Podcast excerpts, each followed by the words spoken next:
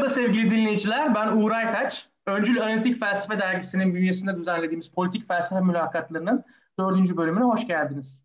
Bugünkü konuğum Sabancı Üniversitesi'nden Faik Kurtulmuş. Bugün kendisiyle ehlileşmiş kapitalizm yeterince iyi mi? Refah devleti, servet eşitsizlikleri ve sosyalizm başlıklı sohbetimizin ikinci kısmını gerçekleştireceğiz. Hocam tekrar hoş geldiniz. Hoş bulduk Uğur. Önceki bölümde kapitalizme dönük eleştirilerin genel bir sınıflandırılmasının nasıl yapılabileceğini konuşmuştuk. Refah devletine bir e, giriş yaptık. Farklı refah devleti tiplerinden bahsettik. Bu bölümde refah devletinin kapitalizmin yarattığı problemlere çözüm, çözüm olma konusundaki artı ve eksilerine değineceğiz.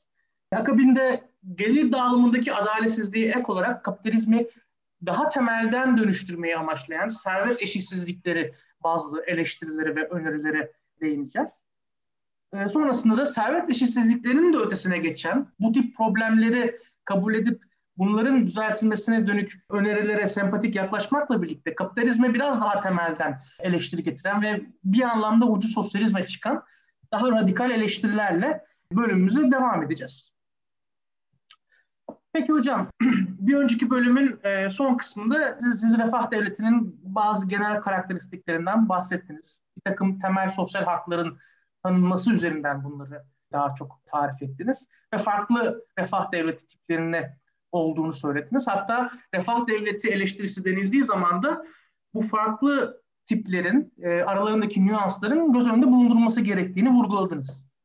Peki bu modele dönük yani refah devletine, refah devleti politikalarına dönük olumlu ve olumsuz değerlendirmeleriniz nelerdir? Ve aynı zamanda biraz da çağdaş siyaset felsefesi literatüründen, literatüründen hareket edecek olursak refah devletine karşı sunulan önde gelen eleştiriler sizce nelerdir? Bunlardan, bu argümanlardan hangileri öne çıkıyor? Öncelikle hani refah devletinin eleştirilerini sunacağız. Hakkını da verelim bence. Çünkü hani özgürlükleri korumak, demokrasiyi sağlamak ve kapitalizmin sorunlarına çare bulmak konusunda şu ana kadar gördüğümüz en iyi şey refah devleti.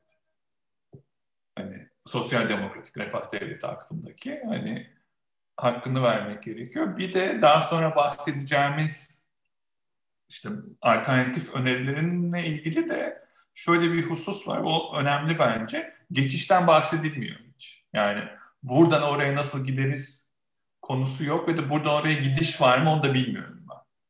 Hani o yüzden hani refah devletinin hakkını teslim etmenin çok önemli olduğunu düşünüyorum ve de hani sahiden de insanlığın büyük bir kazanımı olduğunu düşünüyorum. Refah devletinde sağlanan sınırlarını kabul etsek de sağlanan güvencelerin ve de hani demokrasi ortadan kaldırmadan sağlanmış olmasın ve birçok temel özgürlüğe de saygı duyarak sağlanmış olmasın büyük bir hani başarısı diye düşünüyorum insanlığın. Hani Türkiye'de öyle bir şey olsa çok mutlu olurum. Hani o yüzden eleştirmeden önce onun hakkını teslim etmek önemli geliyor bana ve dediğin gibi hani refah devleti eleştirisi derken ve de Rawls'un eleştirisinden bahsedeceğim sonra hangi tip refah devleti aklımızda onu da aklımızda tutmak önemli diye düşünüyorum. Mesela hani korporatist dediğim refah devletinin feminist eleştirisi çok bariz mesela. Hani belli toplumsal cinsiyet rollerini varsayan bir refah rejimi söz konusu çünkü. Özellikle hani Espin Anders'in kitabını yazdığı dönemde. O ülkelerde değişiyor zamanı tabii ki. E, genel eleştirilerde de hani benim aklıma takılanları söyleyeceğim. Öyle literatürde öne çıkan değil de benim sayeden aklıma takılan eleştiriler. Bir de Rawls'un eleştirisinden bahsedeceğim. Benim aklıma takılan eleştirilerden birisi şu. Refah devleti fonlanırken çalışanların sigorta primlerinden ve gelir vergisinden fonlanıyor büyük ölçüde. O yüzden de hani hep bir ekonomiye katılım, bir çalışma, sosyal demokratik refah devletinde bile önemli bir unsur.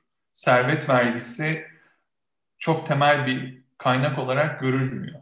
Ve de onun getirdiği olumsuz bir yön var gibi geliyor bana. O da şu, insanların çalışma, insan çalıştırma ihtiyacımızı azaltan şeyler. Mesela otomasyon diyelim ki. Servetin yani sermayenin kazancını arttırıyor, üretkenliğini arttırıyor. Ve de o da refah devletinde gelir vergisine ve çalışanların sigorta primine dayalı olduğu için kötü haber oluyor. Refah devleti için. Halbuki biz bir şekilde o serveti ve servet gelirini vergiliyor olsak bu bize iyi haber. Yani insanlar daha az çalışabilecek, aynı şeyi üretecek ve de biz bu kazançları etkin bir şekilde vergilendirebildiğimiz için toplum olarak faydası olacak. Bunu bu geçiş güç oluyor. Çünkü genel kabul edilen kaynak gelir vergisi ve sigorta primi. Bir, aklıma takılan bu. Ki bunun böyle hani geçmişte mesela şeye benziyor biraz bu. Rosa Luxemburg'un mesela bir eleştirisine benziyor o zamanki sendikalarla ilgili bir eleştirisine benziyor. Hani sendikalar çalışanların maaşı gibi şeyleri ve de üretim süreciyle ilgilendiği için kapitalizmin üretkenliğini yavaşlatıyor diye bir endişesi var mesela. Hani onun refah devletine uyarlanmış versiyonu. Bir aklıma takılan bu, bir de daha çok aklıma takılan ve de hani yaşadığımız dünyanın da gösterdiği kendini ne kadar koruyabildiği. Çünkü 60'ları 60'lardaki tartışmaları hani sen de andın daha önceki konuşmamızda Miliband'i falan andın ve onun bahsettiği tartışmaları andın. O kadar kuvvetli gözüken bir konsensus var ki refah devleti etrafında. Bir de güçlü bir refah devleti etrafında. Devletin piyasada rolü, üretimde rolü konusunda ve bu geri gitmeye başlıyor. O, o yüzden hani aklıma takılan diğer bir şey de refah devleti ne kadar stabil bir düzen. Orada da hani küreselleşme önemli bir unsur. Çünkü sermayenin gitme imkanı var. İşlerin gitme imkanı var. Üretim gidiyor. Ki bunun olumlu yanı da var bu arada. Hani çok batı merkezli bakınca ve de oradaki tartışmalara bakınca aa hay Allah hay Allah diye düşünüyor insan ama hani insanlığın büyük kısmı batıda değil. Çin, Hindistan hani insanlığı kaydeder bir kısmı ve de bu küreselleşmenin getirdiği şeylerden biri oradaki ekonomik büyüme. Ve de hem hızlı bir büyüme hem de çok büyük bir yokluktan ileriye doğru giden bir büyüme. O yüzden hani o resimde karışık bir resim ama hani ne kadar kendini koruyabilen bir düzen olduğu, servete dokunmadığı zaman ve de hani kapitalizmi ortadan kaldırılmadığı zaman aklıma takılan bir şey. Ve de hani bir taraftan da sınırını da test etmiş bir sistem. En azından bir kere test etmiş. Hani bir kere olmadı bir daha olmaz diye bilmiyoruz ama İsveç'te mesela hani yavaş yavaş bu Meitner planı diye bilinen plan belki sen de biliyorsundur. Yavaş yavaş hani üretim araçlarının da işçilere geçmesini hedefliyorlar belli fonlar aracılığıyla fakat başaramıyorlar. Hani sahiden de orada sistem yani en azından kapitalistler orada durun diyor. Hani o yüzden hani bir sınırda sıkışan ve daha ileri gidemeyen ve daha geri gitme riski olan bir sistem mi? Onu bilmiyoruz. Yani yaşadıkça görüyoruz. Bir yandan da hani abartmamak da gerek. Çünkü o kadar da geriye gitmiyor aslında yine de. Yani bir kere yerleşti mi o kazanılmış hakları ortadan kaldırmak belli gerilemeler oluyor şüphesiz. O kadar kolay değil ama. Ve de yine ülkeden ülkeye farklı refah devletinden farklı refah devletine değişen bir durum. Rawls'un eleştirisine gelecek olursak Rawls e, böyle birkaç adımda ilerleyen bir eleştiri yapıyor. Bir de kafasında belli bir refah devleti resmi de var. Ondan da bahsedeceğim ama eleştirisi temel olarak şu. Refah devleti diyor Rawls. Welfare, welfare capitalism, refah devleti kapitalizm diye bahsediyor hatta. Ondan sonra vergiler ve ondan sonra da transfer üzerinden işliyor diyor. Yani piyasa normal işliyor. Ondan sonra biz bu kazançları vergilendiriyoruz. Ondan sonra da bir dağıtım yapıyoruz. Yeniden dağıtım yapıyoruz refah devletinde. Bu ama servet eşitsizliklerine dokunmuyor ve de sadece bir telafi mekanizması olarak işliyor. Aa senin durumun çok kötü, dur biraz sana transfer yapacağım diye işliyor diyor. Ve üretim araçlarının mülkiyetindeki eşitsizliklere dokunmuyor servet eşitsizliklerine dokunmuyor diye düşünüyor. Ve bunun sonucu Rawls'un asıl itirazının merkezindeki noktada bu. Ekonominin ve siyasal hayatın kontrolü küçük bir grubun elinde kalıyor diyor. Böyle hani küçük yaralara biraz bant yapıştırıyoruz ama asıl derdi çözmüyoruz ve de demokrasiyle ve siyasal eşitlikle uyumlu bir düzen değil diye düşünüyor Refah Devleti. Ki bu enteresan bir şey çünkü Rawls standart okumada ve de standart böyle daha o zamanın sol eleştirilerinde hani Refah Devleti'ni savunan biri olarak kabul edilir. Ki o da garip bir şey aslında. Çünkü yani kitapta yazıyor aslında Theory of Justice'de bir adalet teorisinde 1971'de bir, yani derdin ne olduğunu söylüyor. Refah devleti eleştirisi sunmuyor ama aklındaki modelin refah devleti olmadığını söylüyor. Kaldı ama, ki 90'larda e, eleştirilere cevaben yazdığı A Restatement eserinde de çok daha açık dille ifade ediyor. Yani açık evet. açık e, yanlış hatırlamıyorsam 5 modeli karşılaştırıyor. İşte, e, daha Sovyetik tarzda bir e, devlet Doğru. sosyalizmi, piyasa sosyalizmi, bırakınız yapsınlar e, liberal kapitalizmi yani serbest piyasa evet. kapitalizmi, refah devleti daha işte e, Batı demokrasilerinden aşina olduğumuz bir de e, liberal, özgürlükçü, demokratik bir sosyalizm e, modeli ve aslında açık açık ya liberal, demokratik, sosyalist düzenin ya da kendi terminolojisiyle belki mülk sahibi demokrasi diye e, Öyle değil.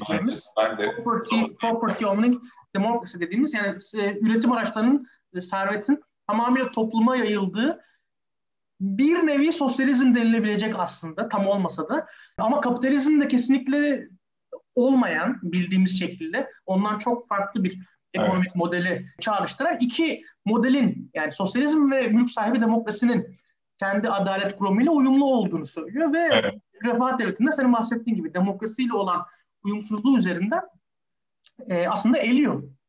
Evet.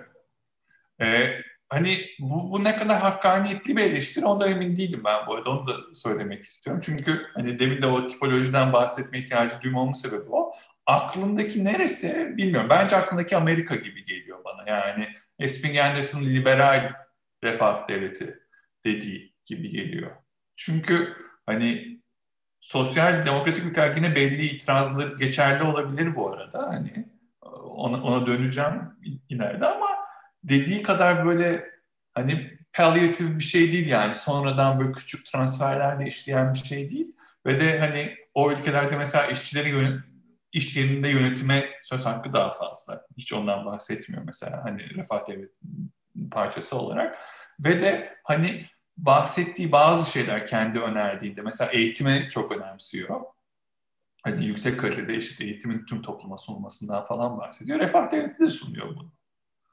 Ya da mesela sosyal demokratik refah devletinden bahsediyor. Ya da hani sosyal demokratik refah devleti emekçilerin pazarlık gücünü arttıran bir şey. Epey arttıran bir şey. Hani yine Amerika'ya bakınca gözükmeyen bir durum. Çünkü Amerika'da evrensel sağlık sistemi bile yok.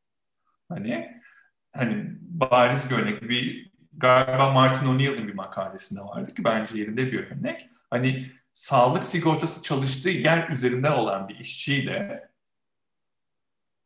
her türlü sağlık sigortasına sahip işçinin pazarlık şartları çok farklı. O yüzden hani kuvvetli bir refah devleti Rawls'un anlattığı kadar böyle sonradan transfer üzerinde işleyen bir şey değil aslında. Yani o kısmı var tabii ki ve de sahiden de hani servet işsizliğine dokunmuyor çok. O doğru. Ama bir yandan da hani çok böyle yani Rawls'un kafasındaki çok telafi mekanizması gibi işleyen bir şey. Hani önce yaralanacaklar sonra bant yapıştıracağız ama aslında kuvvetli bir refah devleti önce yaralanmayı da en azından yaraları küçülten bir refah devleti diyebiliriz. Benzetmeyi hani devam ettirirsek belki e, yani hem liberal refah devleti modeli yani daha Anglo-Amerikan dünyada gözlemlediğimiz hem de sosyal demokrat refah devleti modellerini şöyle bir genel şemsiye altında da birleştirebiliriz. Yani her iki model de aslında dereceleri farklı olsa da asgari bir yaşam standardı sağlama odaklı. Yani bu liberal modelde piyasada şansı yaver gitmeyen aktörlerin belli bir çıtanın altına düşmemesi üzerine kurulu yaşam standartları bakımından. Skandinavya modelinde ve işte sosyal demokrat e, model dediğimiz yerlerde bu başarısızlık hiç gözlemlenmese bile en baştan belli standartları herkes için tutturma e, evet. odaklı. Şimdi ikisinde de ama bence ortaklaşan şey farklı koşullara bağlı olmakla birlikte hiçbir yurttaşın belli bir yaşam standartının altına düşmemesi üzerine kurulu. Ee, burada belki şunu söyleyebiliriz. Yani Rawls'un eşitsizliklerin kontrol edilmemesine dayalı olan ve bu anlamda demokrasi üzerinden ilerleyen argümanı biraz daha alt limitlerden ziyade toplumdaki üst limitlerle alakalı. Yani zenginlik sahipleri daha ne kadar sermaye biriktirme kapasitesini muhafaza edebilmeli veya zenginlikleri elinde bulunduran kesimin kapasitelerinin ne de ölçüde ekonomik alan dışına taşmasına müsamaha gösterilebilmeli gibi toplumun her bir bireyinin asgari bir yaşam standartına erişebilmesinden öte elitlerin nasıl kontrol edilebileceği, yani ekonomik elitlerin nasıl kontrol edilip nasıl ehlileştirilebileceği üzerine aslında bir e, tartışma yürütüyormuş gibi geliyor bana. Ve bu bakımdan mesela çağdaş ampirik literatürü incelediğimizde de aslında ortaya çıkan sonuçlar siyasal süreçlerde, demokratik karar alma süreçlerinde ekonomik elitlerin tercihleri ve yönelimleri lehine bir yönelimin Batı Avrupa'da da e, demokratik sistemin geneline sirayet ettiğini gösteriyor. Yani böyle bir ampirik bulgu da aslında var. Bu anlamda belki Rawls'un eleştirisini Amerikan tipi bir refah devletinin ötesine de genelleştirme imkanı söz konusu olabilir. Kısmen katılıyorum. Katılmadığım iki nokta var. Birincisi Amerika'daki refah devleti o alt eşiği sağlamak konusunda da o kadar başarılı değil aslında. Yani means tested dediğimiz ihtiyacını belgelemek falan ve de böyle çok karmaşık işleyen, evrensel işlemeyen refah sistemleri o alt sınırı sağlamak konusunda da başarısız oluyor. Çünkü onu o sistemi navige etmek, o sistemi kullanmayı başarmak, erişmek, e, keyfi uygulamalarda hakkını kaybetmemek falan çok güç aslında. O yüzden hani Amerika o alt eşiği sağlamak konusunda da başarılı değil. İkincisi zaten hani yapısal eleştiri doğruysa hani demokrasi demokratik açıdan gelen eleştirilerde o zaman sosyal demokratik ülkelerde de bu sınırı bekliyoruz. Hani sermayenin eşitsiz dağılımı onu etkileyecek diye bekliyoruz ama yani ampirik araştırmaya bakmak gerek, somut araştırmaya ama benim hani öngörüm Amerika'dan farklı bir resim görmek yine de. Çünkü pazarlık gücü yani çok böyle iyi kalplilikle ilgili bir şeyden de dolayı değil. Belli güvencesi olan işçilerin pazarlık gücüyle ondan yoksun işçilerin pazarlık gücünün farklı olduğunu düşünüyorum. Ama sonuç olarak hem yapısal eleştiride hem de yine eşitsizlikler durduğu için demokrasi temelli kısmı bence geçerli. Eşit derecede geçerli değil diye düşünüyorum ama geçerli diye düşünüyorum. Ama hani sistemi tanımlarken ki anlatımı aslında eksik ve de kendi önereceği şey de aslında refah devletinin bir kısmını içermek zorunda zaten. Onun üstüne bir şey inşa ediyor. Tabii refah devletini ilga edip veya, veya onun sağladığı bazı imkanları ilga edip yeni bir şey koymaktan ziyade üstüne bir şeyler inşa evet. etmekten bahsediyor gibi anlıyorum ben de. Bir de bu iki eleştiriyi birbirine bağlamak da mümkün. Yani e, demokrasiyle refah devleti arasındaki gerilim ile senin en başta ifade ettiğin refah devleti fikrinin kendisinin istikrarlı, stabil bir e, yapı oluşturup oluşturmadığı. Yani bu da sonuçta geri de dönebilir. Yani kazanımlar kesinlikle konumunu koruyacak diye bir şey de yok. Ki işte 80'lerden bugüne bir takım gerilemeler oldu. Bence bu ikisi arasında bir bağ var. Şu anlamda yani demokratik karar alma süreçleri zaten ekonomik elitlerin veya kapitalist sınıfın e, tercihleri doğrultusunda şekilleniyorsa ki bu da dereceli bir şey. Yani kamuoyuna e, hiçbir şekilde e, duyarlı değil sadece kapitalistlerin tercihlerini takip ediyor gibi bir şey söz konusu değil ama en azından eşit temsil ilkesini zedeleyecek düzeyde bir eğilim kapitalistlerin lehine söz konusu. E şimdi böyle bir durum söz konusuysa da e, kapitalistlerin e, politika enstrümanlarının demokratik karar alma süreçlerinde hakim hale gelmesi uzun vadede e, refah devleti politikalarının altına giderek daha fazla oyacağı bir siyasal izleyin evrilmesine de yol açabilir. İşte 80'lerden e, bugüne geldiğimiz süreçteki bazı hak kayıplarının veya reel ücretlerin zayıflamasının veya örgütlü emeğin e, mevzilerini bir nebze e, kaybetmesinin bence altında yatan açıklamalardan bir tanesinde bu olduğunu düşünüyorum. Yine benzer bir e, soruyla hareket edecek olursak şey literatürleri de var mesela işte. Örgütlü emeğin pazarlık gücüyle bunun bazı ampirik indikatörlerini oluşturuyorlar. Bununla mesela aynı zamanda küreselleşme arasındaki ilişki de yine söz konusu. Yani küreselleşme sonuçta küreselleşme ortaya çıktığı andan itibaren sermaye hareketliliğinden dolayı kapitalistlere ek bir e, pazarlık gücü de sağladığı için doğrudan aradaki güç ilişkisinde çok önemli ölçüde etkiliyor. E tabi burada şöyle de bir şey var o zaman. E, yani bu eleştiriye bir katman daha e, belki ekleyebiliriz. Demokratik karar alma süreçlerinde bu parantez içinde ulusal çapta bahsediyorum bu sadece. Aha. Sermaye sınıfı lehine bir takım yönelimler varsa ve küreselleşme dediğimiz olgu da aslında her ne kadar biz devletler sanki orada görülmez kılınıyormuş gibi düşünsek de bir anlamda devletler eliyle üretilen ve düzenlenen bir e, uluslararası fenomen. Yani devletlerin yarattığı, e, imzaladığı uluslararası anlaşmalarla evet. Dünya Ticaret Örgütü, Birleşmiş Milletler, Uluslararası Para Fonu gibi kurumların düzenleyiciliğinde gerçekleşen bir fenomen ve burada devletlerin de rolü var. Dolayısıyla e, sermaye sınıfı, devlet ve devletten de uluslararası ekonomik rejime doğru bir nedensellik bağı kurarsak zaten o zaman küreselleşmenin de önemli ölçüde sermaye sınıfının çıkarları lehine kurumsallaşan bir olgu olduğunu da e, söylemek mümkün belki. Ben biraz spekülatif e, kaçıyor söylediğim şey farkındayım ama o kadar da ampirik temellerden yoksun değil bence. Burada tabii şey sorusunu sormak çok meşru. Yani küreselleşme dediğimiz şey de tek bir şey değil. Yani emekçi sınıfların, e, sıradan yurttaşın lehine de bir küreselleşme olabilir ama mevcut sistemde devlet gibi siyasal aktörlerin eliyle bu küreselleşme kurumsallaştığı için ve Rawls'un eleştirisinden hareketle o devletlerin tabi olduğu demokratik süreçler sermaye sınıfının lehine işlemeye eğilimli olduğu için ortaya çıkan küreselleşme tablosu da biraz daha sermaye sınıfının lehine bir e, doğrultu çiziyor gibi e, görüyorum ben açıkçası. E, spekülatif kısmı var tabii ama hani bunun ideolojik temelleri de var zaten. Hani belli neoliberal ideologların temel düşüncelerinden biri bu. Hani biz bu mobiliteyi sağlamazsak hani demokratik sistemler bizim mülkiyet haklarına daha fazla dokunmaya başlayacak. Biz kapitalin serbestçe gezebildiği bir düzeni hedeflemeliyiz. Fikri var mesela belli neoliberal ideologlarda. Peki e, şeyi biraz açmanı rica edeceğim. Tamam Rawls yani 20. yüzyılın en önemli siyaset felsefecilerinden biri ve aslında kapitalizme çok ciddi eleştiriler getiriyor. Ve spesifik olarak onun refah devleti formatına da e, önemli eleştiriler getiriyor.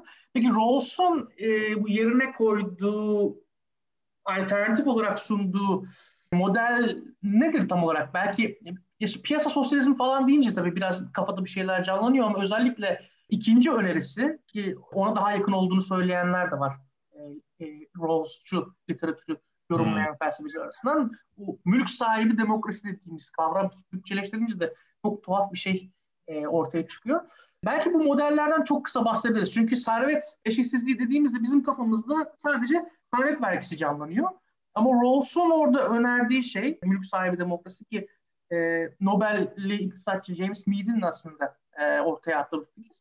Aslında kendi içerisinde tutarlı bir ekonomik model oluşturuyor e, diye evet. anlıyorum. Yani tek bir politika değil, servet vergisi gibi bir politikadan ziyade daha kapsamlı bir politikalar ve kurumsallıklar bütünüymüş gibi anlıyorum. Sen ne düşünüyorsun? Belki biraz açmamıza yardımcı olursun. Yani benim tam oturtamadığım boşlukları var hala ve de böyle çok güzel böyle olacak diye bir şey görmedim ben. Hani ah tamam anladım dedirten bir şey ama hani kabaca fikri şöyle anlatabiliriz. Bir, bir, geri adım atalım önce. Hani servet ve gelir ayrımından bahsedeyim kısaca ve de onların dağılımı ile ilgili temel birkaç şeyden bahsedeyim. Ondan sonra resmi tamamlamaya çalışayım. Ki çoğu şey Mead'de var bu arada. Rawls yeni pek bir şey eklemiyor. Hani şimdi gelir dediğimiz şey bir belli zaman diliminde elde edilen para. Yani ben çalışırken aldığım maaş, evimi kiraya veriyorsam, evim varsa ve kiraya veriyorsam onun kirası, faizde param varsa onun karşılığı gelen faiz. Servet dediğimiz ise birikmiş bir şey, stok. dediğimiz. O da ne olabilir?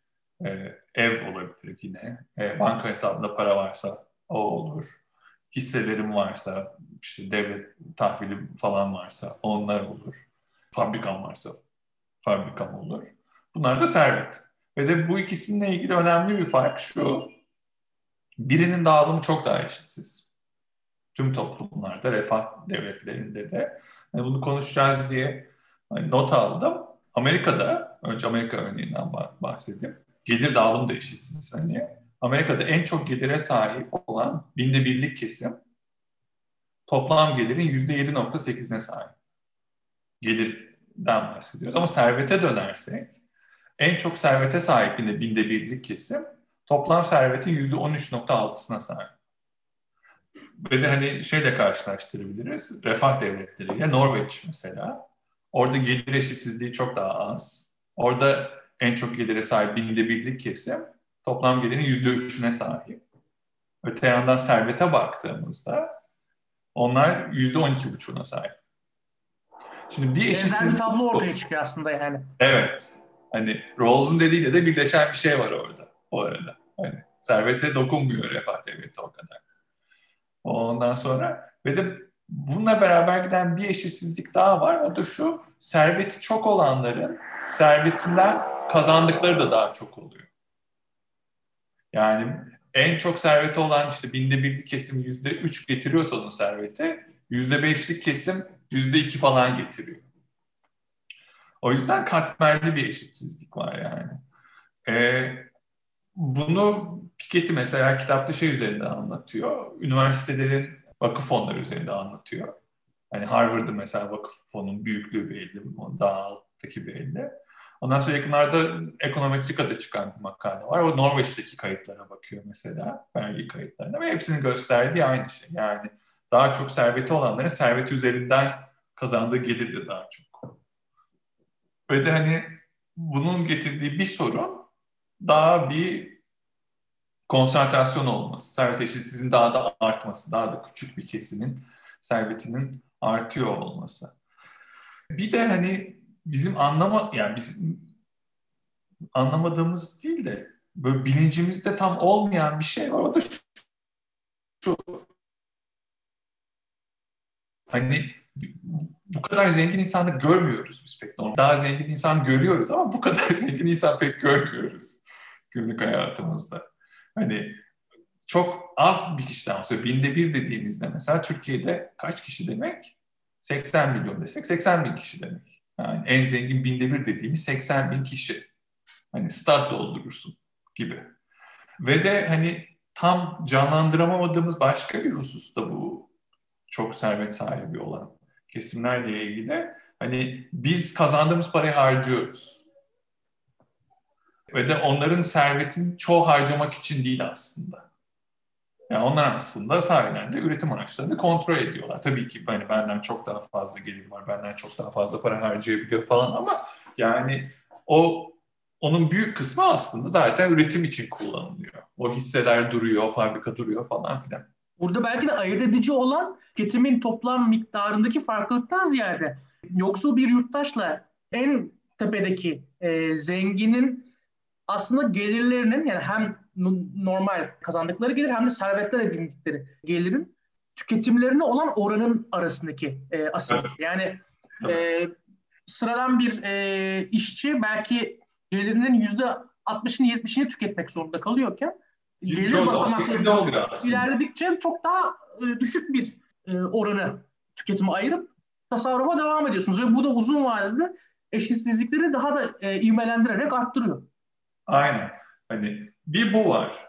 Yani zaten hani nasıl diyeyim süreç başladığında bile bu eşitsizlikle başlıyoruz ve dediğin gibi bu e, konsantra daha da servetin servet sahibi olan daha da servet sahibi olması paterni var. Bir de ama şöyle bir şey var. Emeğe talebin düşmesi. Otomasyon gibi süreçlerde. Hani ve de hani piyasa ekonomisinde emeğin değerini talep belirliyor. Arz ve talep ilişkileri belirliyor. Emeğe talep düştükçe gelirini emeğiyle kazananlar iyice zorda oluyor ve de hani şeye bağlayacağım. Mead tam bunun üzerinden anlatıyor. 64'te yazıyor Verimlilik, Eşitlik ve Mülkiyet kitabının ismi. Ondan sonra Mead ilginç bir insan var. Nobel alıyor, sen de söyledin. Ee, 70'lerin sonunda bir zamanda alıyor. Tamam, toparlayamadım şimdi kaçta alıyor. Ondan sonra İşçi Partisi'ne ve Liberal Parti'ye İngiltere'de danışmanlık falan da yapmış bir insan. Ve de hani kurduğu senaryo şu, hani kendi önerisini anlatırken diyor ki hani otomasyonun çok ilerlediğini farz edelim. Ve de emeğe talebin epey düştüğünü farz edelim. O zaman nasıl bir dünya olurdu diyor. Şöyle olurdu. Bu araçlara sahip olanların geliri çok. Ondan sonra bu geliri çok insanlara belli servisler sunanlar iş buluyor olabilir. Ne bileyim işte mesela ben çok zenginim. En havalı kıyafetleri diktiriyorum mesela. Öyle ondan sonra ama onun dışında toplumun büyük kısmı epey yokluk içinde olacak. Çünkü nedir hani gelir kaynakları ne? Bir transferler. iki piyasada edindiği maaş. Üç serveti varsa servetinden gelen gelir. Yani bir kişinin gelir kaynakları bunlar. Bir de aileden gelen transfer varsa ya da piyasa dışı üretim hani gibi şeyler ama bu hani ve de eğer emek satarak elde edilen gelir düşüyorsa ne yapılabilir? Aklımdaki temel problem bu miydi? Ve de önerisi de e, o zaman mülkiyetin eşit bölünmesi. Hani bu serveti eşit böldüğümüz takdirde o zaman herkes bu servet üzerinden de bir gelire sahip olacak. Ve de bunun üstüne çalışabilir tabii ki. Çalışacağını varsayıyor insanları. Ama hani asıl hani gelir belirleyen şeylerin dağılımı. Rawls'un da refah devleti eleştirisindeki aslında söylemeye çalıştığı kısmen bu. Hani her şey olup bittikten sonra bir dağılım yapmak değil, gelir getiren kaynakların dağılımı. Bunlardan biri servet tabii ki. İkincisi de eğitim. Yani beşeri sermaye diye bahsedilen şimdi. Ve de Mead'in aklındaki öneri kabaca bu. Yani serveti yüksek bir şekilde vergilendirelim. Geliri de vergilendirmeye devam edelim. Miras vergisi yüksek olsun ve yine hediye olarak verilecek o tür şeylerin de vergisi yüksek olsun. Ondan sonra piyasa duruyor bu arada. Yani planlı ekonomiden bahsetmiyor Yani piyasa mekanizması duruyor. Sadece servetin dağılımı değişiyor. Böylece hani eğitim yüksek kalitede eğitim hakkı da olsun insanların. Böylece ne olmasını bekliyor? Tüm vatandaşlar bir beşeri sermayesinin değeri arttı. O yüzden daha üretkenler oradan sahip olacakları gelir daha fazla. İkincisi servetleri olduğu için servetten bir gelir akışına sahip olacaklar. Beşeri sermayesinin artmasının sebebi eğitime yapılan yatırımlar mı? Eğitime yapılan yatırım. Oradaki fikir o. Yani tüm nüfus işte ne bileyim ücretsiz üniversite eğitimi de alabilsin gibi bir fikri var. Rawls da kabaca bu modeli takip ediyor. Yani kendi önerdiğini sunduğunda kabaca bunu takip ediyor ve de hani hep anlatırken söylediği sonradan değil böyle ya doğal bir şey değil aslında bu kavramsal bir ayrım ki o da çok stabil olmayabilir çünkü ekonomi böyle bir tur yapıyoruz üretim faaliyeti sonra duruyoruz sonra ikinci tur başlıyoruz gibi bir şey yok. Hani ama önce sonra gibi anlatıyor Rawls'a dağılımın önceden olması. Ve de hani burada kafamızdaki olabilecek yani kaba modellerden biri mesela bir fabrikatör var bütün üretim kararlarını da o fabrikatör veriyor. Fabrikanın da sahibi o gibi bir model olabilir ama hani kapitalizm böyle işlemiyor günümüzde tabii ki. Hani bu biraz hissedar sosyalizmi gibi bir kavrama çıkıyor aslında. Yani şimdi piyasa sosyalizminden e, çünkü temel ayrım noktası sanıyorum şu piyasa ekonomisi iki, iki sistemde de işliyor. Yani piyasa sosyalizminde de mülk sahibi demokraside de işliyor. Bu, bu noktada ortaklar. Aha. Ama Mead'in ve Rawls'un önerdiği mülk sahibi demokraside hiyerarşik firmalar, e, işin hiyerarşik örgütlenmesi aslında olduğu gibi devam ediyor. Yani evet. E, zenginlik e, şirketlerin hisse senetleri veya şirketlerin üretim araçları üzerindeki mülkler bir şekilde bütün yurttaşlık tabanına eşit dağıtılıyor ama bu noktada her bir yurttaş eşit paya sahip hisse senedi sahibi gibi bir konu Aynen. aslında geliyor. Yani e, piyasa sosyalizminde ki mesela Yugoslavya ona çok yakın bir örnekti hani bir anlamda. E, işçilerin iş yerlerine kolektif bir şekilde yönetmesi tarzı bir sistem aslında orada ki Rawls ona da sıcak bakıyor e, belli ölçüde. Yani, kapitalist e, firmalardan aşina olduğumuz hiyerarşik modelden bir kopuş var piyasa sosyalizminde. Mülkiyet rejimi toplumsallaştırılsa bile mülk sahibi demokrasideki işin örgütlenme biçimi o anlamda kapitalizmi hala andırıyor. Yani hala Bana dokunmuyor bu bir, e, aynen hala bir CEO var, hala bir tepe yönetici var. Ve bu yurttaşlara sorumlu ama hisse senedi sahibi olma üzerinden yani herkese eşit evet. dağıtılan o hissedarlık ilişkisi üzerinden sorumlu. Evet. Yani iş yerinde bir demokrasi yok ki aslında piyasa sosyalizmiyle e, mülk sahibi demokrasiyi ayıran esas önemli noktalardan bir tanesi de bu diye düşünüyorum. Yani yeterince üzerinde düşünmedim ve okuyalı da çok vakit oluyor ama şeye benziyor. Romer'ın mesela kupon sosyalizmi var. Ona evet, benziyor aynen. diye anlıyorum. Çünkü Rawls da Mead de yani bu abstractlikte, bu genellikte konuşuyorlar. Hani tam söylemiyorlar. Hani kafamda o, o diye düşünüyorum ben aklımdaki. Onda da mesela Romer'da da doğru hatırlıyorsam şeye dokunmuyor. İş yerindeki yer her şeye dokunmuyor. İş yeri demokrasisi söz konusu değil. Ve de hani normal aslında birçok açıdan yine kapitalist şirket gibi işliyor bu şirketler. Hem içerideki hiyerarşi hem amaçlar olarak da bu arada. Yani planlı ekonomi de değil bu. Hani şey gibi Norveç'in mesela aa, Türkçesini bulamayacağım. Egemen fonu, Sovereign Wealth Fund. Evet, e, varlık fonu diyebiliriz. Ha, tamam. Norveç'in mesela bir varlık fonu var petrol gelirlerinden falan dolayı. O hani o ülkenin halk, halkı için işleyen bir fon. Hani bunun daha da genel bir versiyonu gibi aklımdaki diye düşünüyorum. Hani e, ama dediğin doğru. Hatta o belki geçiş içinde vesile olabilir hani bu olsa bile eleştiriler ne olabilir? Aynen. Hemen ona girmeden önceki o da bu bölümün son kısmına e, tekabül e, ediyor. Son olarak şundan bahsetmek istiyorum ben çok kısa bir yorum olarak.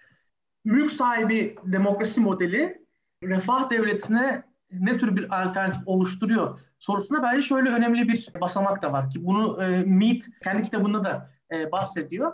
Diyor ki biz ne kadar örgütlü emeği sendikalar üzerinden güçlendirirsek güçlendirelim, ne kadar yeniden bölüşümcü politikaların limitlerini genişletirsek genişletelim, kapitalistlerin mevcut ekonomik yapı içerisinde iki tane temel gücü var. Fiyat belirleme, üretim kapasitesi belirleme.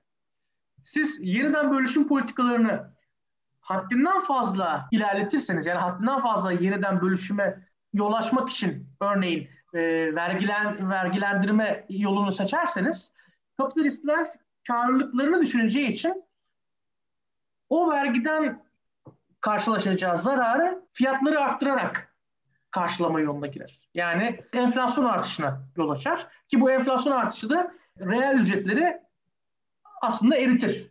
Yani orada kendi kendini altına oyan bir e, strateji söz konusu.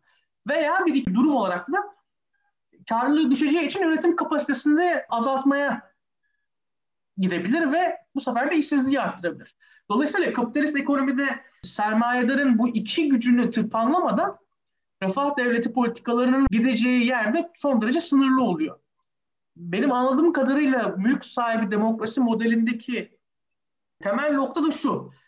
Herkesi biraz sermaye sahibi, biraz emekçi yaparak bu antagonizmayı ortadan kaldırma. Yani sermaye var ve kavramsal olarak aslında sermayedarlar da var. Herkesin küçük birer sermayedar olduğu bir model gözümüzde canlanıyor. Aha. Ama bu antagonizm ortadan kalkınca ne oluyor? Bu sefer e, emek sermaye çekişmesi sürümlendiği için bir emeğin artan taleplerine karşı artan bir enflasyon baskısı söz konusu olmuyor veya yine emeğin taleplerinin bir yansıması olarak gelişen artan vergilendirme sonucu üretim kapasitesinde bir kısılma ve artan işsizlik durumu söz konusu olmuyor. Böyle de bir aynı zamanda teknik bir çözüm getirdiğini söyleyebiliriz. Refah devletinin yapısal e, sınırlarına dair.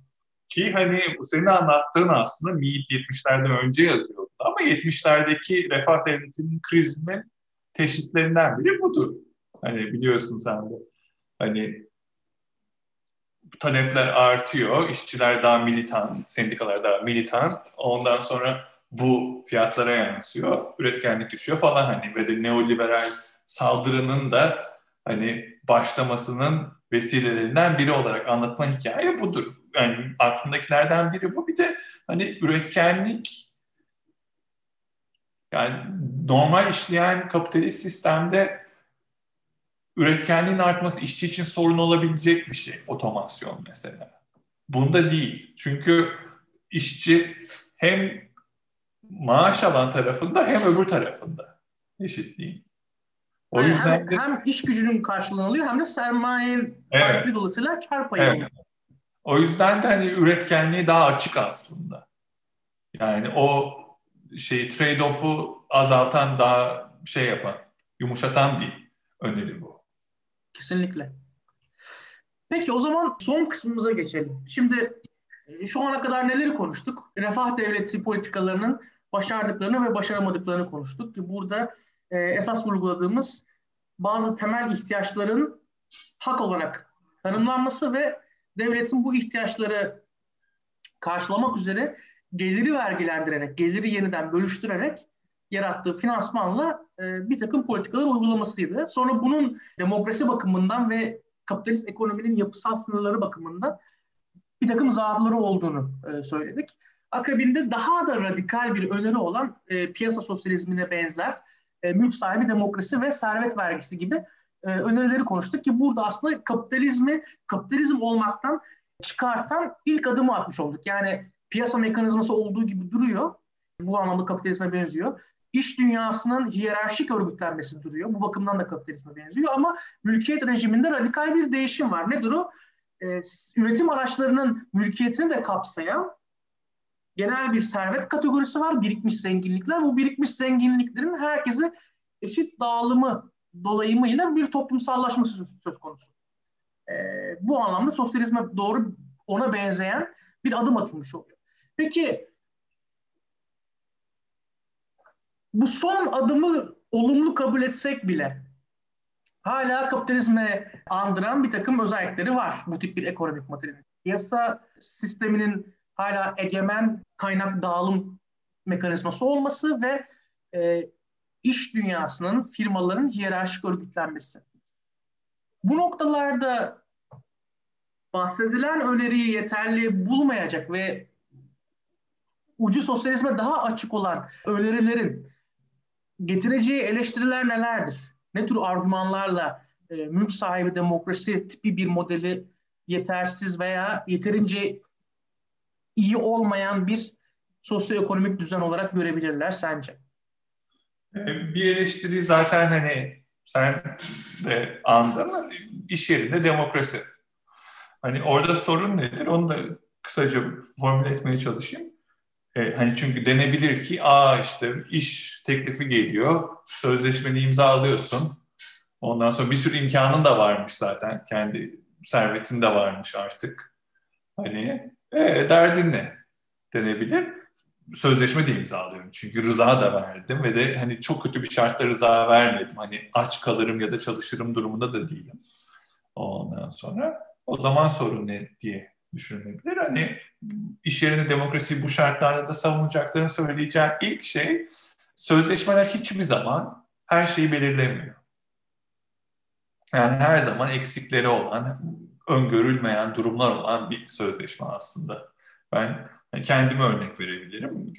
Üniversite sözleşmesini okumadım da çok dikkatli ne yalan söylüyorum.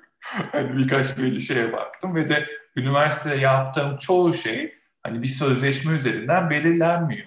Hani üniversite tamamen hiyerarşik bir organizasyon da yok. Hani o açıdan tam örnek değil belki. Yani tam demokratik bir organizasyon da yok tabii de. Ee, ama yani bir sürü yaptığım şey seçenekler var. Bunu ben mi yapayım, sen mi yapacaksın, o mu yapacak, bunu yapacağız mı? Devamlı aslında e, sözleşmede öngörülemeyecek, çok esneklik gerektiren, sözleşme yazılsa e, tonlarca sayfa sürecek bir durum söz konusu. O yüzden aslında hiyerarşik bir yapı var. O sözleşmenin belirlemediği şartları işlediği. Ve o hiyerarşik yapıda da hani bir şekilde birisine tabi oluyorsun. Üzerindeki yönetici kimse ona tabi oluyorsun. o yüzden de hani bir yine özgürlük temelli, hani hatta özellikle cumhuriyetçi özgürlük temelli bir itiraz mümkün. Çünkü her halükarda yine insanlar çalışacak ve de hiyerarşik bir yapı olması niye şart? Çünkü epey aslında hani yukarıdan gelen işte Elizabeth Anderson mesela diktatörlük benzetmeleriyle anlattığı bir sistem söz konusu. Özel hükümet kitabından bahsediyorsun. Ha, yani. Evet. Buna şöyle bir ek yapmak istiyorum bir de. Şimdi e, mülk sahibi demokrasi modelinde az önce ifade ettiğin gibi gelirin iki kaynağı var. Bir emekten sağlanan gelir, bir de sermaye paydaşı olarak aldığın kar payı. Şimdi bu aslında bir anlamda evrensel temel gelir modeline de benziyor. Yani koşulsuz olarak aldığın bir gelir var. Bir de onun üstüne çalışıp kazandığın ücret olarak aldığın bir gelir var. İkisinde de bence yapısal bir benzerlik söz konusu.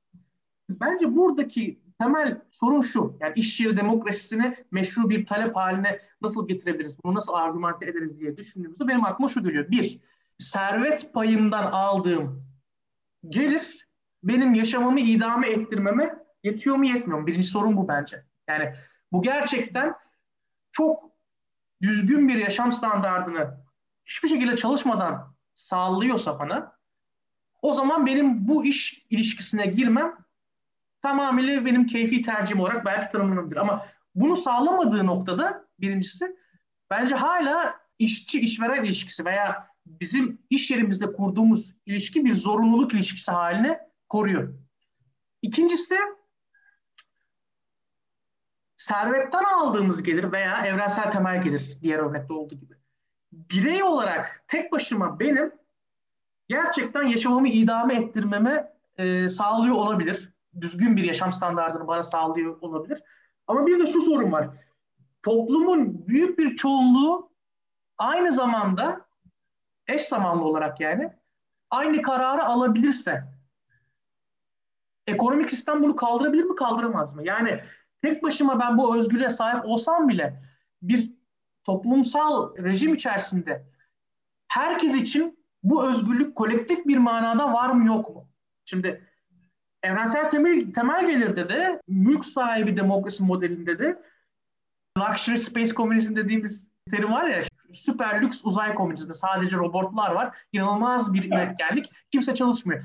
Ya böyle bir teknoloji düzeyi olmadığı sürece büyük ihtimalle toplumun çoğunluğunun evrensel temel gelir üzerinden veya servetten aldığı kar payı üzerinden e, yaşamını idame ettirmesi veya idame ettirse bile düzgün standartlarda idame ettirmesi çok mümkün değil. Dolayısıyla bu anlamda benim bireysel olarak tek başıma efektif sahip olduğum özgürlüğün garanti altında olması bu özgürlüğün herkes için siyasal sistemin bir genel bir karakteristiği olarak korunabileceği anlamına da gelmiyor. Ve dolayısıyla kolektif bir özgürlüksüz olma durumu ortaya çıkabilir. Ben bu iki açıdan biraz mülk sahibi demokrasi modeline itiraz edilebileceğini düşünüyorum. Yani aslında hala alttan alta bir zor ilişkisi e, söz konusu. E, üçüncüsü de bütün bu finansman modeli bir şekilde yürüse ve toplumun çoğunluğu aslında istese sadece servetten aldığı payla veya sadece evrensel temel gelirle yaşamını idam ettirirse bile işin yani iş kavramının kendisinin, meslek kavramının kendisinin bizim bireysel kimliğimizdeki ve bizim psikolojik olarak iyi olma halimizdeki etkisi sürdüğü müddetçe çalışabiliyor olmanın kendisi bir toplumsal ihtiyaç. Yani bugün toplumuna baktığımızda yaptığımız meslek üzerinden veya çalışma durumumuz üzerinden toplumun geri kalan tarafından saygı görme gibi bir fenomenle karşı karşıyayız. Yani bunun gelecekte böyle olup olmayacağını henüz bilmiyoruz ama iş kavramının kendisi, çalışabiliyor olmanın kendisi toplumdan gördüğümüz saygıyı, bizim psikolojik iyi olma halimizi etkilediği müddetçe aslında işin kendisi finansal faktörleri yani gerçekten sistem beni finanse edebiliyor mu edemiyor mu? Bireysel olarak veya kolektif olarak. Bundan bağımsız olarak çalışabiliyor olmanın kendisi bir toplumsal ihtiyaç. Ve toplumsal ihtiyaç olarak tanımlandığı müddetçe ve bu anlamda bir zorunluluk olarak görüldüğü noktada bence bireyin şöyle bir makul talebi de olabilir. Çalışma durumu benim için bir ihtiyaç. Ancak bütün işletmeler hiyerarşik bir şekilde örgütleniyorsa bu bana dayatılıyor. Çünkü çalışmaya ihtiyacım var ama hiyerarşik firmalardan başka kapitalizmi kapitalizmin firmalarını andıran o otoriter firma yapısından başka bir seçeneğim yok dediğinde hala aslında bir tahakküm ilişkisi, hala bir zorlama ilişkisinden bahsedebiliyoruz ki bu da bence ayrı bir üçüncü argüman olarak iş yeri demokrasisini yani katılımcı, demokratik ve eşitlikçi düzlemde örgütlenmiş e, firmaların rasyonalize eden bir e, iddia olarak, bir sav olarak bence konumunu koruyor diyebilirim. Bir, bir şey diyeceğim, bir aklımdaydı zaten. Herhalde Cohen'in çok güzel bir makalesi vardır. İşçinin özgürlüksüzlüğün yapısı değil, The Structure of Proletarian Freedom diye.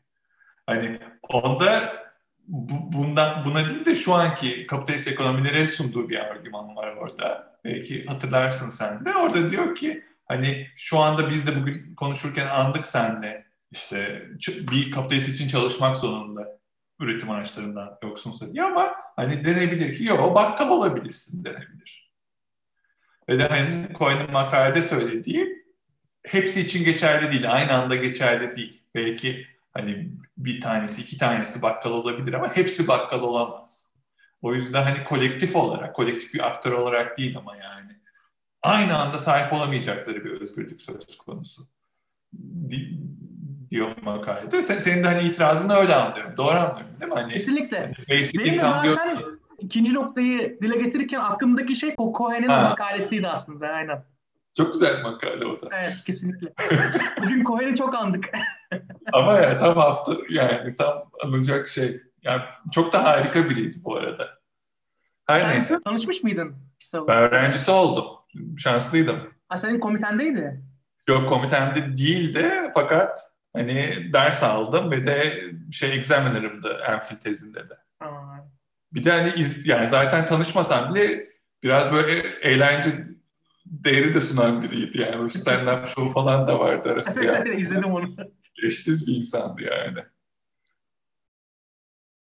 Ha, diğer dediğin hani bu çalışma ihtiyacı aslında hani daha klasik sosyalizmin getirebileceği başka bir ihtiyaçla birleşiyor aslında. Hani onu anabiliriz.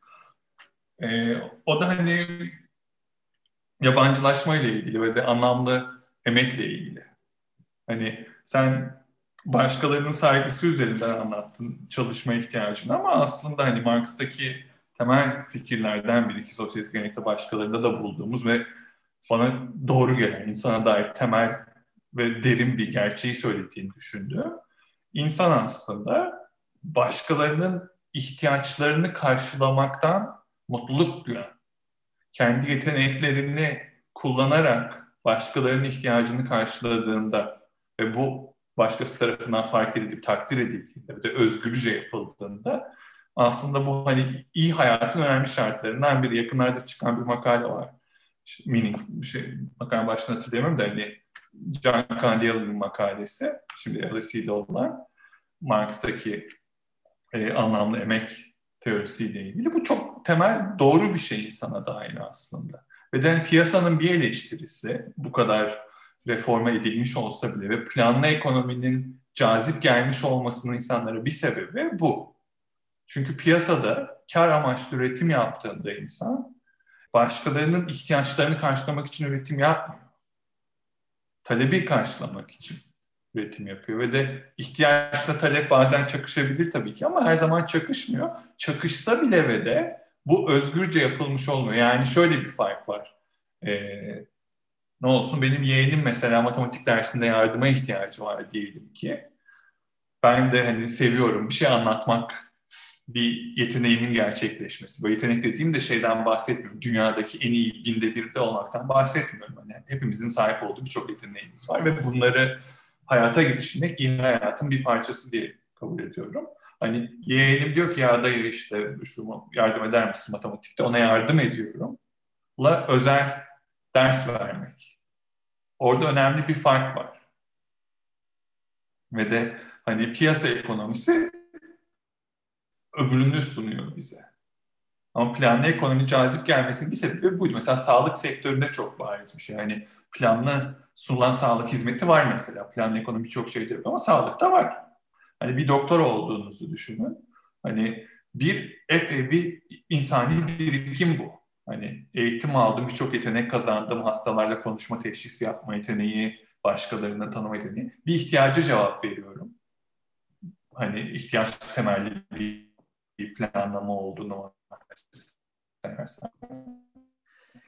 Hastam bunu biliyor. Hastam şey diye düşünmüyor. Ne yaptırıyor herhalde daha çok masraf olsun da daha çok kar etsinler diye düşünmüyor. Diyor ki bu kişi benim ihtiyacımı biliyor. Onun dışında hani bana bunları yapıyor. Ve ben hani belli şartlar yerine geldiyse mecburiyetten yapmıyorum.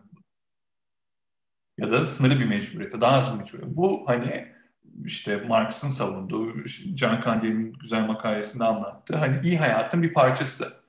Ve de hani planlı ekonomi birçok açıdan cazip gelmiyor ki. Mesela hani sağlık örneğinde de bunu böyle yapmayan da vardır. Hani anlamlı çalışma, yabancılaştırı bu. Dolayısıyla hani Rawls'un ya da Mead'in önerdiği sistem olsa bile hani piyasa üzerinden birbirimizle ilişki kuruyor olacağız. Tabii tek değil yani. Sonuç olarak şu anda bile ben birine ihtiyacından dolayı yardım ediyorum. Hani yeğenim bana sorduğunda 100 lira demiyorum hani dersin saati. Tamam diyorum.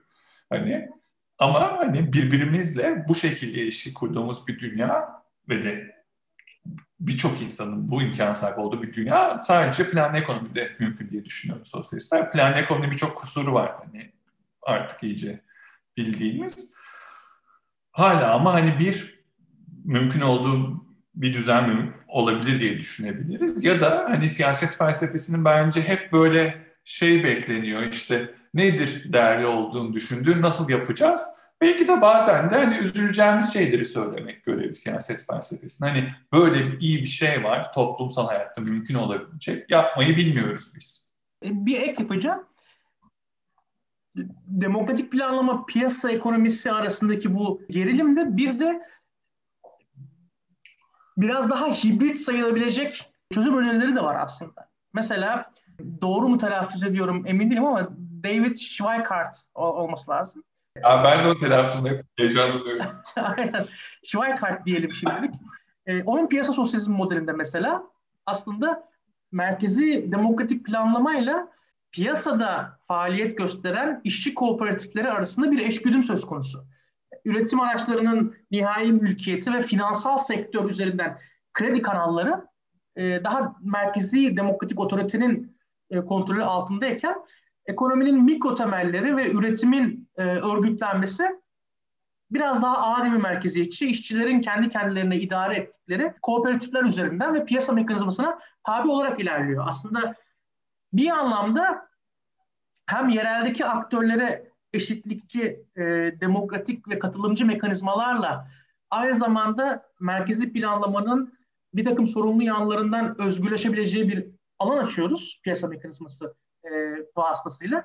Öte yandan da ekonominin toplamdaki gidişatı bizim e, bir makro siyasal komünite olarak ihtiyaçlarımıza ne ölçüde yanıt veriyor sorusunu anlamlı bir şekilde sorup merkezi düzeyde demokratik otoritenin ekonominin gidişatına belli yönler verebileceği ek bir mekanizma da ortaya çıkıyor. Nedir mesela o? Atıyorum yatırımın artmasını istediğiniz sektörlerde kamu bankacılığı vasıtasıyla kredi kanallarını genişletebilirsiniz örneğin. Daha ucuz kredi sağlayabilirsiniz veya tüketici çok istemesine rağmen bir takım sosyal olarak zararlı etkileri olan e, sektörleri etkisini kırabilmek için o sektörlere olan kredi kanallarının atıyorum daraltabilirsiniz veya bir takım başka merkezi e, burada merkezden kastım otoriter merkezleri çoğulcu demokratik bir merkezi e, yapıdan bahsediyorum. Başka, başka bir takım idare mekanizmalarla yine bunu aslında planlı müdahalenin alanı haline getirmek mümkün. Böyle hibrit e, modellerde söz konusu aslında. O, öyle ama onda yani doğru hatırlıyorsam plan kararları üretimle ilgili değil, daha geri bir adım. Yatırım kararları değil mi? Yani şu sektöre kararları. yatırım yapalım falan gibi. Yani o böyle klasik sosyalistlerin hayal ettiğini ne kadar gerçekleştirebiliyorum. Dediğim gibi yani ben hani benim hissim sanki bu mümkün değil gibi geliyor bana yani. Bu haliyle küçük adacıklarda olabilir, hayatımızın belli kısımlarında olabilir ama bunun full olduğu bir şey. Sahiden de hep kullanım için üretim. Hep bir tek ihtiyacı gördüm, ihtiyaca cevap veriyorum türü üretim. Yani bu da üretim kanal kararlarını da planlamayı gerektiren bir şey.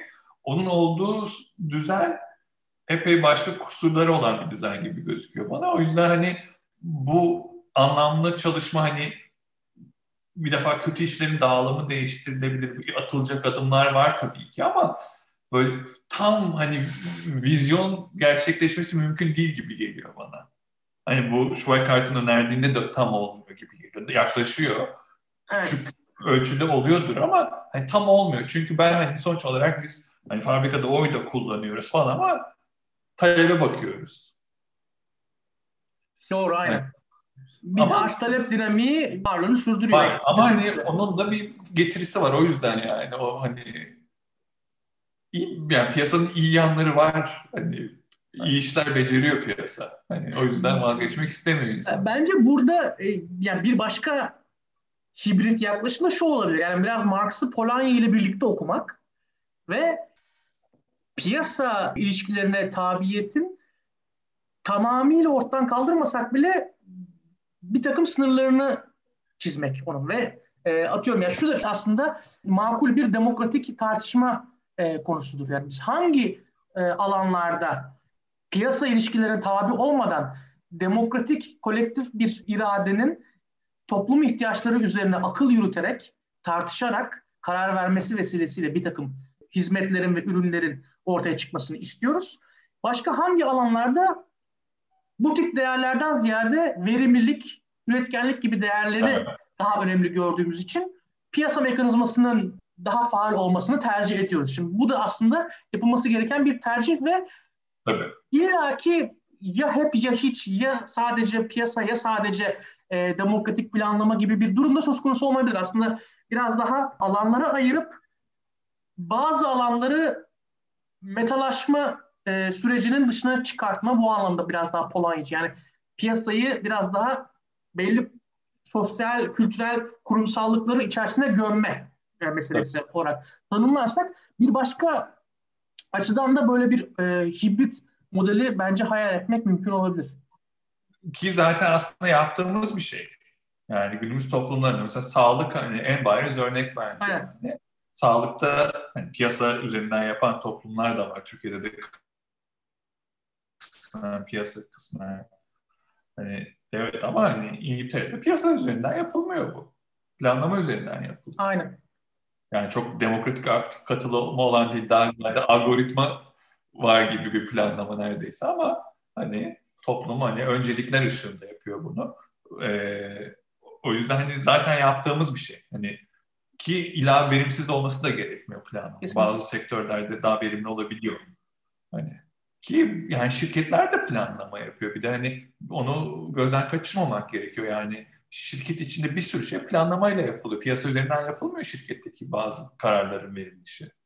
Yani şirket diyor ki biz bu, bunu bunu yapacağız diyor. Sen bunu yap, bunu yap diyor. Yani planlama olan hani özel mülkiyet içinde de bile planlama var zaten. Ama hani tüm ekonominin öyle olması hani bana şey gelmiyor. Kesinlikle. Ama oradaki yani. planlamadaki Hayır, temel farklılık e, farklı düzeylerdeki planlama biçimleri arasındaki temel farklılık da işte Hayek'in ısrarla ifade ettiği bilgi problemi. Yani bir kapitalist e, veya bir işçi kooperatifi kendi iş yerindeki planlamayı yaparken merkezi plancının sahip olmadığı, erişemeyeceği pek çok e, saha bilgisine sahip ve bu sayede aslında biraz da rasyonel bir planlama yapma yetisine kavuşuyor. Yok bir de şey de var bence yani. Bazı şeylerin keyfiyete kalmasının iyi yanları da var. Onu da düşünüyorum yani. Hani ne bileyim hani tekstil geldi aklıma şimdi. Hani giyilecek kıyafetler falanla ilgili. Yani üretilecek kıyafet, ne tür kıyafet üretilecek. Hani orada insanların kendi bireyselliğini ifade ettiği şeyler de olabiliyor. Yani o, o üretimi de planlamak hani hem verimlilik açısından bir feragat söz konusu olabilir ama hem de bireyselliğin ifadesi gibi şeyler açısından da feragat içerebilir. Yani o, o aslında iyice içine girmek gerekiyor. Tam nasıl bir planlamadan bahsediyoruz, ne kadar otonomi olacak falan filan. Ama hani böyle çok kaba hayal edince orada öyle bir kayıp da var diye düşünüyorum. Kesinlikle. İşte burada bence şuna odaklanmak lazım. Yani bence Marx'ın piyasanın şahsiyetsiz tahakkümü yani impersonal domination dediği şey son derece gerçek. Ama burada şunun bence kararını e, verebiliyor olmak lazım. Yani hangi alanlarda bu piyasanın tahakkümü piyasanın sunduklarından daha tehlikeli veya daha az değerli veya daha değerli. Şimdi Doğru. piyasa dediğimiz şey totaliter bir şey değil illaki yani. Belli alanları piyasaya açıp belli alanları piyasaya kapattığımıza göre örneğin belki ilaç endüstrisinde ya çok önemli bir saha bizim sağlığımız için, kamu sağlığı için, e, iyi oluş halimiz için. Belki de o piyasa tahakkümünü çok daha problematize ediyor biliyor olmalıyız. Öte yandan dediğin gibi moda endüstrisi bambaşka bir boyut. Yani finansal sektör atıyorum. Aslında belki de son derece demok toplumun demokratik iradesiyle görece rasyonel bir kamusal tartışma ortamının çıktılarıyla hareket etmesi gereken bir sektör. Çünkü ekonominin genel gidişatını belirliyor ama e, daha tali bir tüketim ürününün üretimi o kadar da olmayabilir. Biraz daha buralarda e, gri bölgelerin geçerli olabileceğini e, düşünmemiz gerekiyor belki. Bence de. Çok gri var. Ben de katılıyorum. Bir de mesela son e, şunu da eklemek istiyorum. Yani anlamlı işten ve demokratik planlamadan bahsettik ya iki farklı gerekçe olarak. Yani şu, şu mülk sahibi demokrasi gibi modelleri neden eleştirdiğimize dair. Aslında bu da bana bir madalyonun iki yüzü gibi geliyor. Yani e, Marx'ın kendi kendinin hükümdarı olma, kendi kendine hükmetme üzerinden belki tarif edebileceğimiz özgürlük anlayışının mikro ve makro düzeylerini görüyoruz aslında biz bu iki farklı argümanda. Çünkü anlamlı iş dediğimiz şey aynı senin dediğin gibi yani insanın e, bir takım kapasitelerini geliştirebilmesi, bu kapasiteleri geliştirebilmesi için en başta otonom olması, kendi amaçlarını belirleyebilmesi iş sahasında. O amaçlara giden yolları yine özgürce belirleyip bunları bir fiil tatbik edebilmesi o özgürlük alanıyla kendini gerçekleştirme e, noktasına çok kuvvetli bir bağ kuruyor. Bence evet. piyasa eleştirisi ve demokratik planlama lehine olan eleştiriler, e, argümanlar da bu iddiayı alıp makro düzeye aslında uyarlıyor. Yani piyasanın irasyonel veya hiçbir şekilde üzerinde düşünmeye uygun olmayan sinyallerine pasif bir şekilde aksiyonda bulunan, pasif bir şekilde onlara tepki veren bir e, toplum mu ortaya çıkacak yoksa toplum düşürerek, karar alarak, kamusal tartışmayı aktive ederek ekonominin gidişatına dair bir takım görece rasyonel süreçleri işletip kendi kendisinin efendisi olan bir kolektif yapı olarak bu sürece kendisi mi yön verecek gibi bir durum söz konusu ki bu, bu anlamlı işten bizim türettiğimiz otonomiyle yine olan e, argümanın bana sanki biraz daha makro düzeye yani siyasal toplumsal kurumlara uyarlanmış hali gibi geliyor. Ee, ka- katılıyorum yani şeyi düşündüm sen konuşurken. Isaiah Berlin mesela iki özgürlük kavramında hani Marx'ı pozitif özgürlük tarafına koyuyor. Hani evet pozitif özgürlüğü de iki farklı şekilde tanımlıyor hatırlarsın. Hani bir self mastery kendinin efendisi olma hali olarak tanımlıyor. Bir de self realization kendini gerçekleştirmek olarak tanımlıyor. Ve de yani Marx'ta bu ikisi de var. Özellikle hani genç Marx'ta iyice böyle bağırıyor ki bence hep var. Ve de hani sahiden de hani aklına takılan şeylerden biri bu. Hani piyasanın öngörülemeyen, kaotik bir şekilde hani tüm toplumu domine etmesi. Hani ne diyor? Playthings of alien forces. İngilizcesi, Almancasını bilmiyorum. Türkçesini de bilmiyorum da hani böyle yabancı güçlerin oyuncağısın. böyle deyince çok farklı evet. şekilde de alışılabilir. Marx büyük oyunu görmüş. Marx'la İsmail Türüt arasındaki ilişki nedir? Yeni paper'ımda bu konuya değineceğim.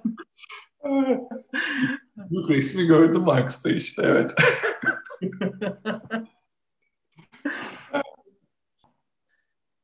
Evet hocam o zaman yavaştan toparlayacağız. Senin son olarak eklemek istediğin bir şey var mı kapanış mahiyetinde? E, yok çok teşekkür ederim. Hani çok zevkli bir sohbetti. İnşallah başkalarını da sıkmayız. O kadar. Teşekkür ederim. Ben de tekrar çok teşekkür ediyorum. Gerçekten seni burada ağırlamak oldukça keyifliydi. Sevgili dinleyiciler, dördüncü bölümümüzün sonuna geldik. Geçen bölümde e, başlattığımız bu uzun serüveni burada noktalıyoruz. Umuyoruz ki olabildiğince bütünlüklü bir e, resim sunabildik. E, eksik bıraktığımız yerler, yeterince tartışamadığımız yerler muhakkak ki olacaktır. İleriki bölümlerde bu eksiklikleri olabildiğince tamamlamaya çalışacağız. Umarım sohbetimizden keyif almışsınızdır. Söyleşilerimizi beğendiyseniz sosyal medyada ve çevrenizle paylaşmanız bizleri mutlu eder. Şimdilik hoşçakalın.